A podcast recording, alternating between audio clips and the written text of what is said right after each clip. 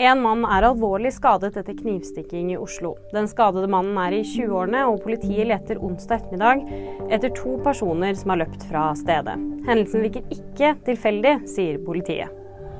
Kripos slår alarm om svensk innflytelse. Politiet etterforsker mulige bånd mellom en skyting i Moss og den kriminelle gjengen Foxtrot i Sverige. Det bekymrer Kripos, og de sier at de ser at nettverket samarbeider med norske kriminelle nettverk. Danske helsemyndigheter erklærer mykoplasmaepidemi. Slike luftveisinfeksjoner kalles gjerne atypisk eller kald lungebetennelse. Symptomer er eh, sterk og tørr hoste, hodepine, sår hals og feber. Og nyheter det finner du alltid på VG.